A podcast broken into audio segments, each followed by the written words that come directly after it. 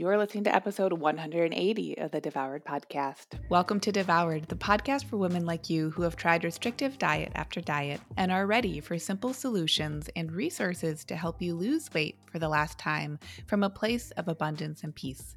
If you're looking to end the yo yo of comfort eating and rigid weight loss protocols and instead step into living your life on your terms while losing weight in the process, you're in the right place. All right, party people, welcome, welcome to the show. I hope your October has been going swimmingly. Um, mine has.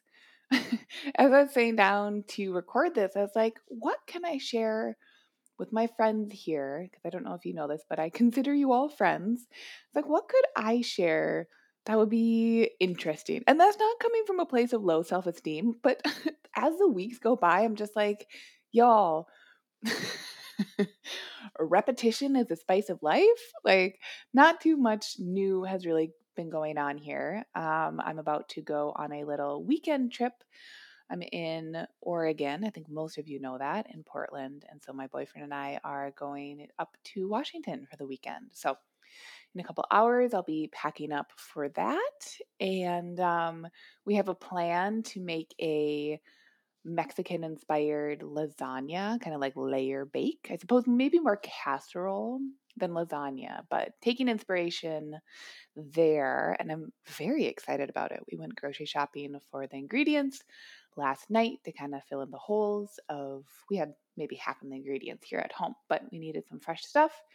And Tim made a tomatillo salsa last night for it, which is going to be super yummy. So it feels really nice knowing that we're going to drive up to Washington and then basically have a casserole like halfway done for ourselves, pop it into the oven at this cute little Airbnb that we rented. And yeah, it's going to be awesome. And I realized as I'm sitting here, you know, something I uh, something that I've been doing differently over on Yield Instagram, which is so interesting because I uh, I made the choice, and it wasn't like hard and fast, but as I've grown lean and liberated, I moved from feeling like my Instagram profile was about food to being about the thoughts around food. And for any of you who are in lean and liberated and or, you know, you've like have been following kind of what we do with food stuff there, it's really simple. Like the lean and liberated kind of basic template that you can start with, right? That is simply to allow people to have like a uh, uh, honing in place with how to generally build their plates in a way that is supportive for blood sugar levels, that ensures that adequate nutrients are coming in, and that makes making the daily plan super simple and streamlined. And so, for a refresher, for any of you who don't know that template, it's simply a palmful of protein, two handfuls of colorful vegetables, a cupped palmful of something starchy, whether that's like a grain or a starchy vegetable or a fruit, and then about a thumbful of fats. And the reason I mention unprocessed foods is because, in general, that is always what's going to be most supportive for blood sugar levels. It's always going to be what's most nutrient rich.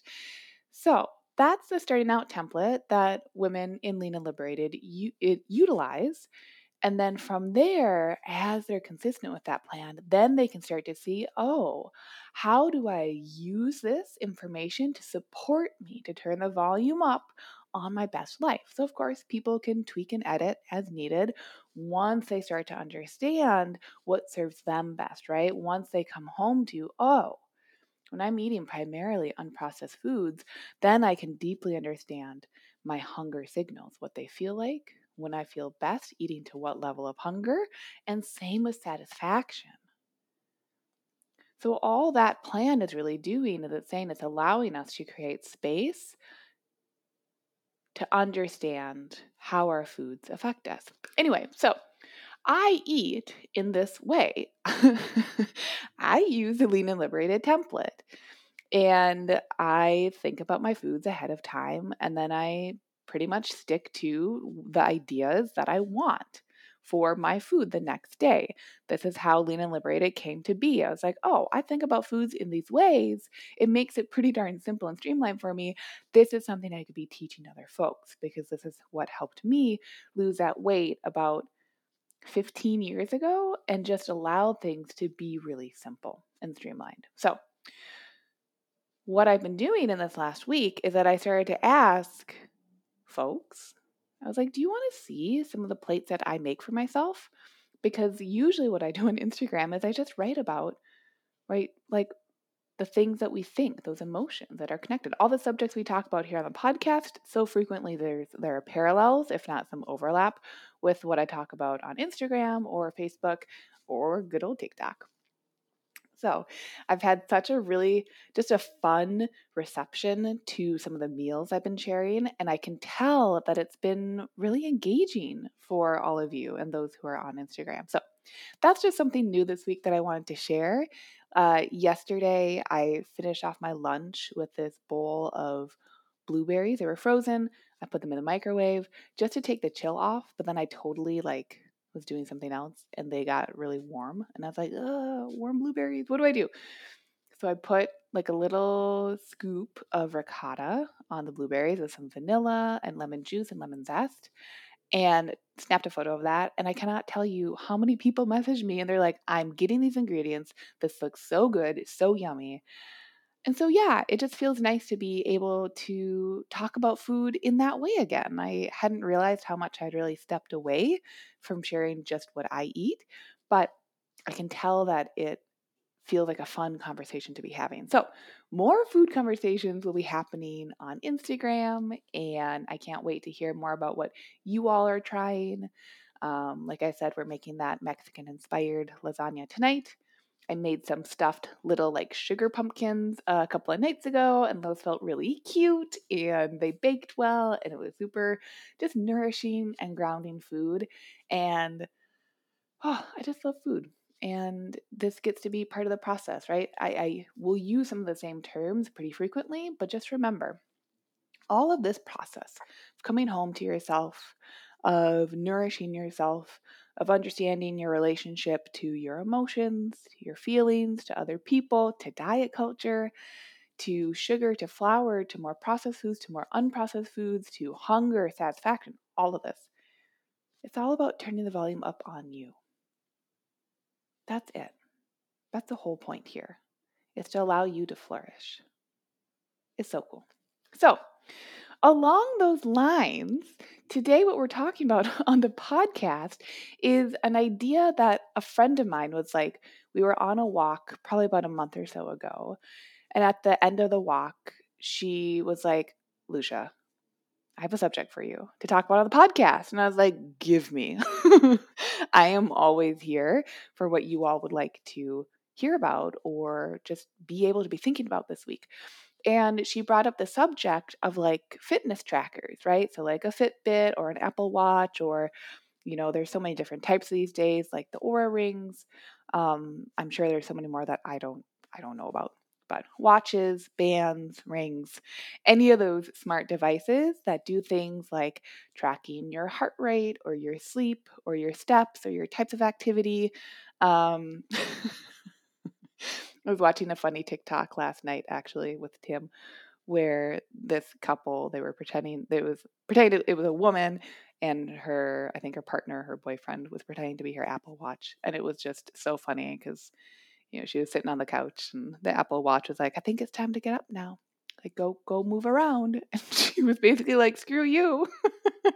And the Apple Watch just looked at her and like you could hear like her heartbeat kind of going faster in the video and then the the boyfriend slash Apple Watch is like, I think you should take a couple deep breaths now. And she's like, get out. It was funny. So anyway, with fitness trackers, I think the relationship with tracking these metrics of health can be useful. And also, we can fall into a territory where it becomes and can reinforce mean thoughts, unkind thoughts about ourselves beliefs about ourselves, right? So, if you are someone who's tracking, you know, even beyond like the fitness tracking, of course, we can't neglect to talk about tracking our food, our food intake, right? If you think about using points or calories or macronutrients, any of the ways that we can be tracking, the tracking is not good or bad, but it's a tool.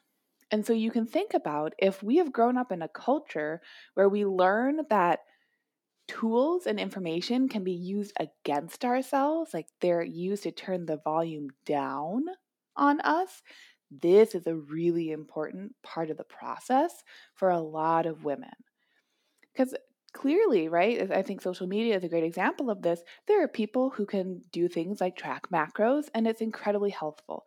There are people who tracking their calories has completely changed their lives for the better using points, using programs that have you count other things and the containers, all that stuff, and the the you know 10,000 steps a day, whatever. So just know on this show, we're not biased about what people do. It's way more about what is the energy of where it's coming from, like what is the why behind what people do. And sometimes what we notice is that starting out tracking, whether it's fitness or nutrition, can start out from a really wonderful place, right? From a place of curiosity. It can be supportive. I don't use my Fitbit. I haven't in like the last year or so. Um, but I remember I bought my Fitbit in the fall of 2017. Uh, it was a very stressful fall for me.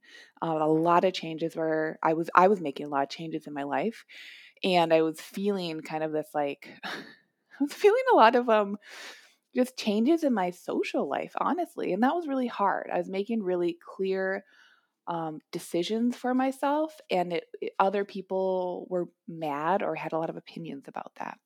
And so, even though I was holding a lot of space for myself, I was noticing I wasn't sleeping well. And I'm someone who I like my sleep. I like I love to go to bed when I start to feel like ready for bed. So I like to get my sleep and I can be a light sleeper. Like falling asleep can take me a minute. It's not really a, too big of a deal. Um, but once I'm asleep, I tend to stay asleep. So I consider myself a pretty good sleeper historically. And so what was changing during that season of my life is that I was starting to feel like I wasn't sleeping well. It wasn't restful. It was feeling very fitful. And I was like, what is it? But it was sleepy, right? So I was like, is that actually true? Am I just feeling tired during the day because I'm overwhelmed? Is is my emotional overwhelm during the day affecting my sleep? Like, what's going on? So I remember I was like, all right, I'm going to buy myself an early Christmas present, get a Fitbit, and use it, not even just for the steps. I was like, that'll be fine and cool. But I used it to track my sleep.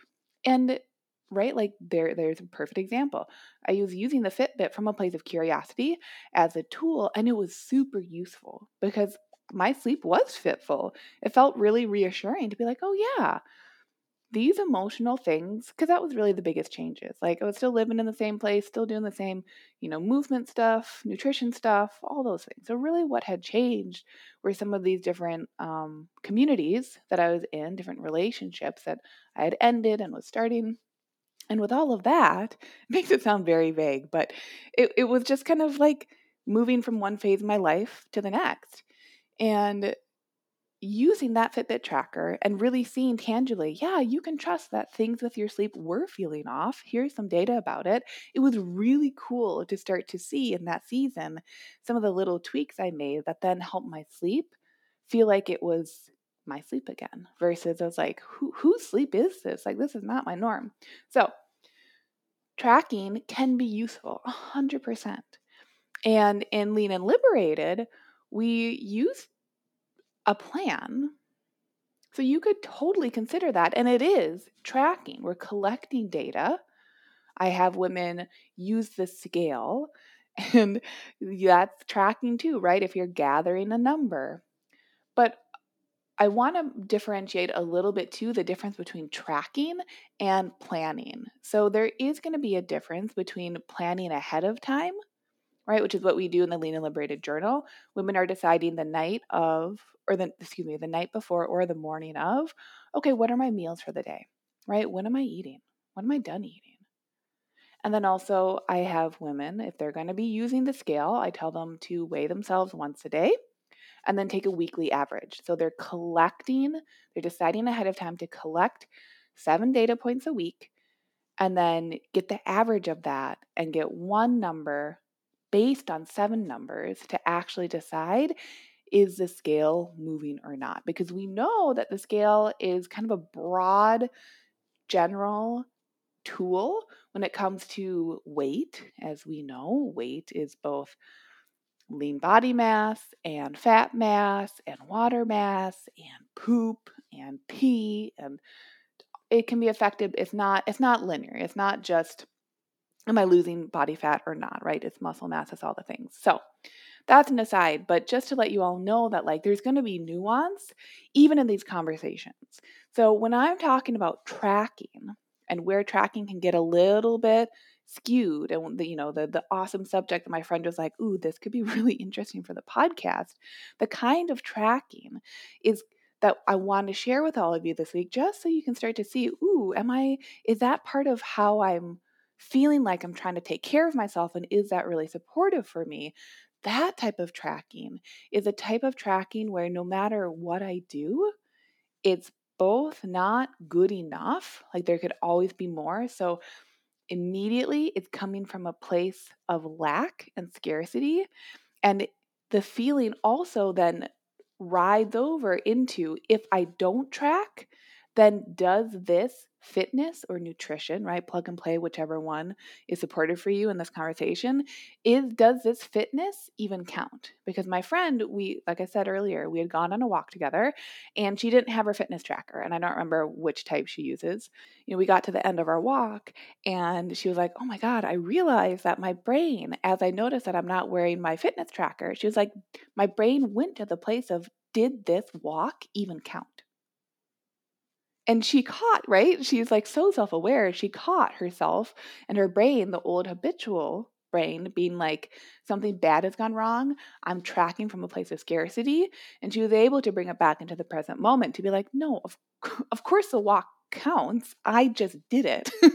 Even if the fitness tracker didn't do it and I don't tangibly see it, I know that I went for the walk and that's something that I like and I know it feels good for me, etc. So when we're talking about these subjects of tracking, remember, tracking can be different than planning.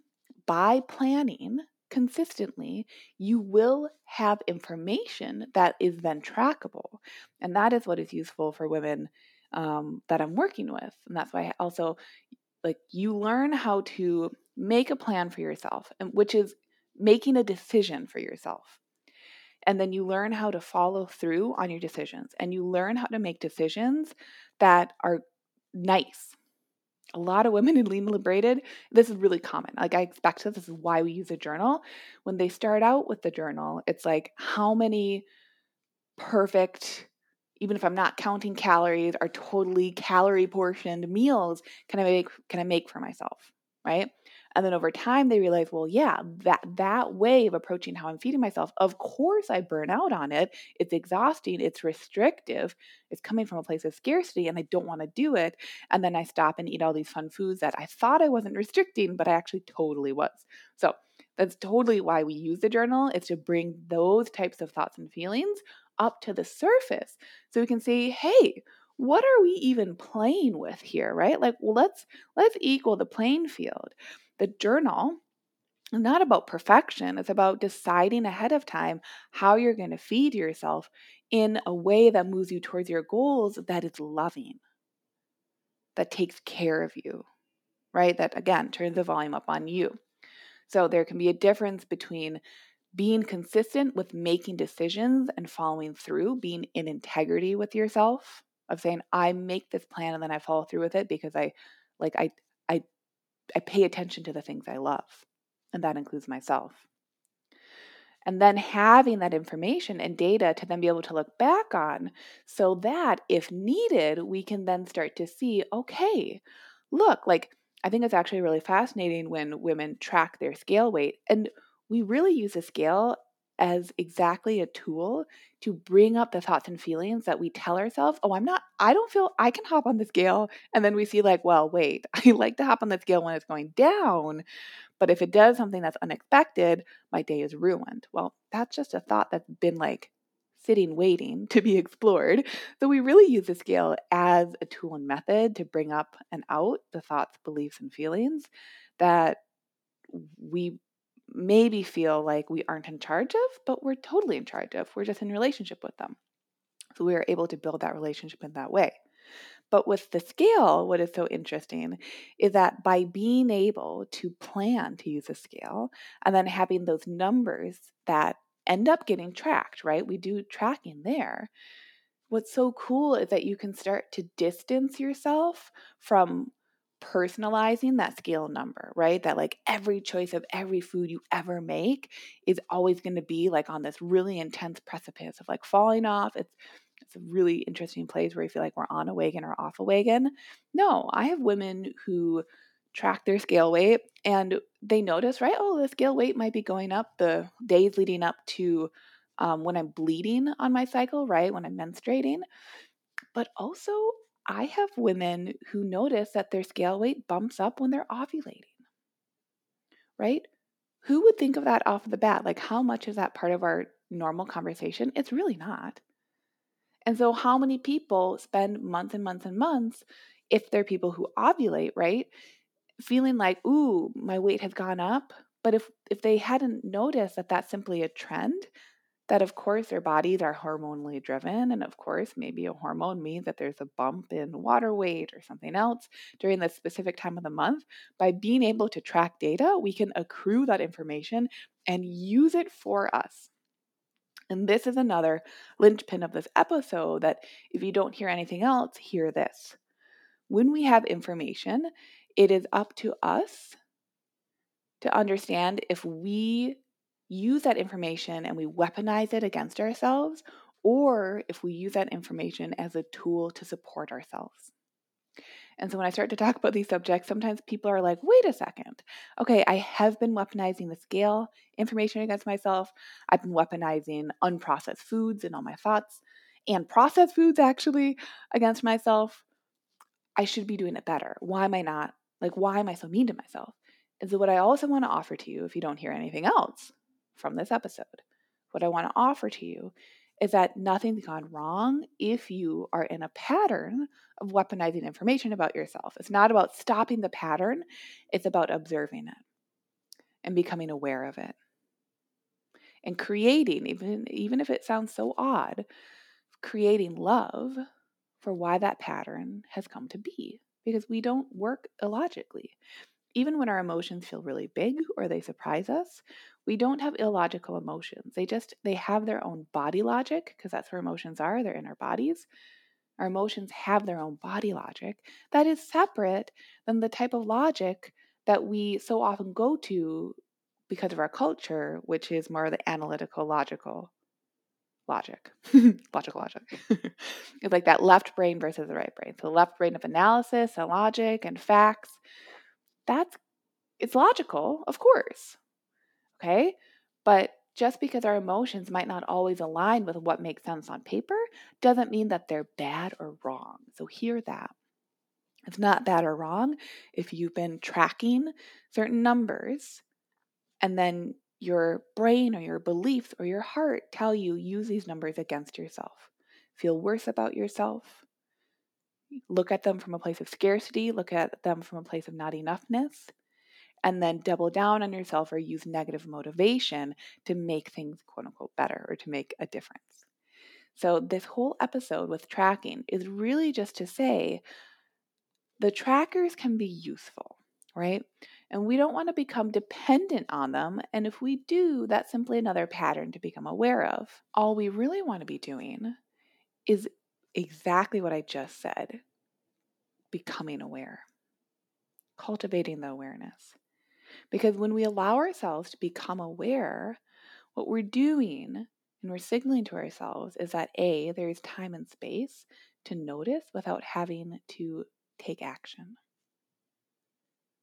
That in, that in and of itself is very anti hustle. And like hustle culture, listen, there's a time and a place to hustle, duh. But chronic hustling to me is really just another form of chronic stress. And chronic stress especially the stressors coming from our society these days, usually are coming from um, power and control culture. Power control culture is an arm of patriarchy, so hustling is a little patriarchal because it's usually just not honoring our full selves. And there are going to be periods, right, where we can hustle and then flow and hustle and flow, just like we can be stressed and then relaxed, stressed and relaxed. There's a yin and a yang to it. And it's really about that balance. And so notice this week first off, are you using a tracking system? Okay. How do you feel about that tracking system? Notice what thoughts come up when you have the thought, I'm tracking perfectly. And then notice what thoughts come up when you have the thought, I'm tracking imperfectly. What changes between those two? Okay. And really like take a minute and write them down. And remember that your thoughts create your feelings. So, if you're not sure what the thought is for either of those, can you identify the feeling and then work back to the thought that's creating that feeling? Or if you only know the thoughts, will you take a minute to think the thought and notice the feeling that comes from it, what feeling that thought generates? Okay? Because any of the work that we do here, it's it's it it cannot be emotional bypassing when we're coming from that place of curiosity and honestness. When we're simply, I think of like like a little kid kind of like moving the dirt aside and like they know that there's like a little treasure buried under this like little pot of dirt like the process is really saying like am i allowing myself to do this uncovering moving the dirt aside the dirt's fine. The dirt's just going to be there. Of course, there's a treasure in the ground. No problem. We don't need to focus on how much dirt there is or why it's there or its color. But we can really just say, oh, as I sift through these different thoughts, of course I'm going to come to a feeling. And that's really what we're doing here. It's what we do in Lean Liberated. In our culture, we really talk so much about what we're thinking, and it's a little bit less of the norm to talk about how we're actually feeling regardless of who we are. Like a lot of the women, eh, okay, I would say all the women in Lean and Liberated, honestly, would let, well, okay, I can't say all, but the majority of women, from my standpoint, would identify or have identified as empathic people. And many of them are like, other people who are drawn to this type of work are people who take care of other people, whether professionally or personally or both.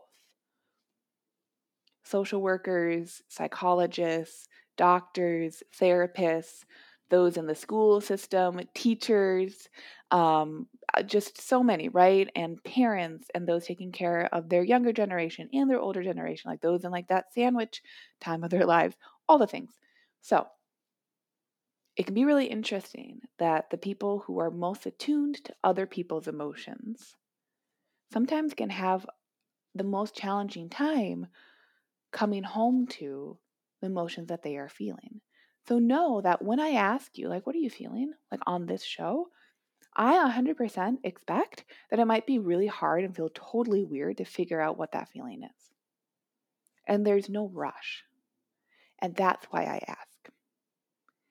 Is because when we stop assuming and we start to slow things down from that, like we slow the hustle down, well, of course, it's going to feel a little funny to not be hustling if we're totally used to hustling all the time. We just get to expect that and we get to allow that to be an okay process. We don't have to judge it that slowing down might feel weird. It's okay. It really is. But that's the balm. So, with tracking, Notice where your brain goes. Those two questions I asked a couple minutes ago are the two powerful ones.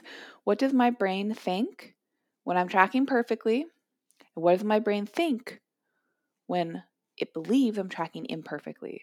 Identifying those thoughts and feelings are going to be so useful so you can start to see oh, in what ways am I supporting myself with the information from the trackers or the not information, right? Like when my friend was saying, "Oh my god, I didn't the fitness tracker, I didn't have it on. it didn't track this walk." I feel like the, the walk didn't even count, right? And she was being a little tongue cheek because clearly she knows that the walk did count, but that her brain went to the place of when the walk isn't tracked, I must not be doing enough. Notice how there's that subtle shift of saying, oh, yeah, I go for a walk, and like if it's tracked, great. If not, also great. Two, ooh, things count for me or against me. Those are coming from very different energies. So the more you're able to cultivate just the awareness of the energy, the more you'll be able to see, aha, I can use this information for my. This is how we start to have this and generate and cultivate this practice of loving awareness, which is how we can lose weight. Tracking can be useful, but what tracking will reveal to us is so much more useful.